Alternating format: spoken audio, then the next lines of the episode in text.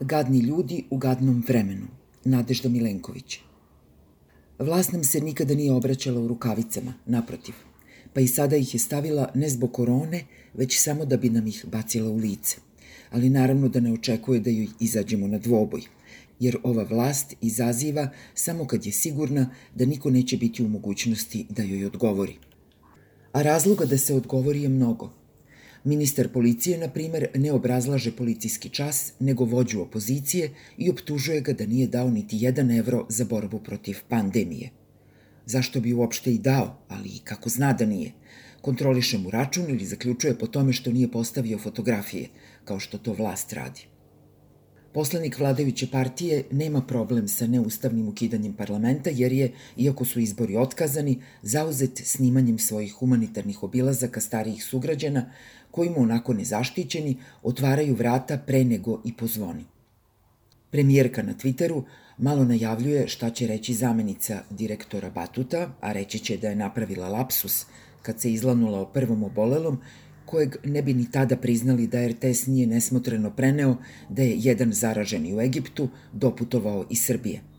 A malo optužuje ko predsedavajućeg Saveta Evrope za širenje lažnih vesti, jer je ispravno primetio da se od donošenja kineske pomoći pravi predstava. Premijerka je najavila čak i spomenik Kini.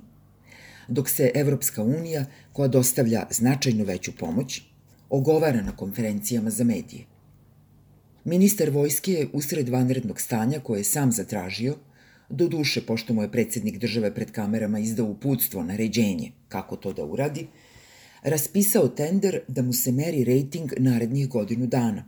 PR služba Ministarstva odbrane je taj njegov beskrupulozni postupak branila rečima da je merenje rejtinga redovna aktivnost.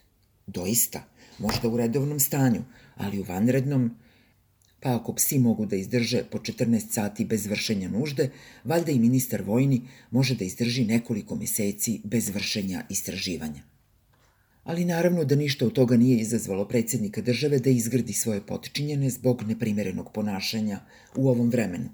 Njega izazivaju samo oni koji su se plašili mogućeg boravka na sajmu, te je njima odgovorio kako mora da smisli neko još strašnije mesto – Kao da nije dovoljno strašno što, iako je sajam najavljen samo za lakše obolele, predsednik država objašnjava kako je taj prostor izabran jer je baš zgodan za iznošenje leševa i ne mora posle da se dezinfikuje pola dana.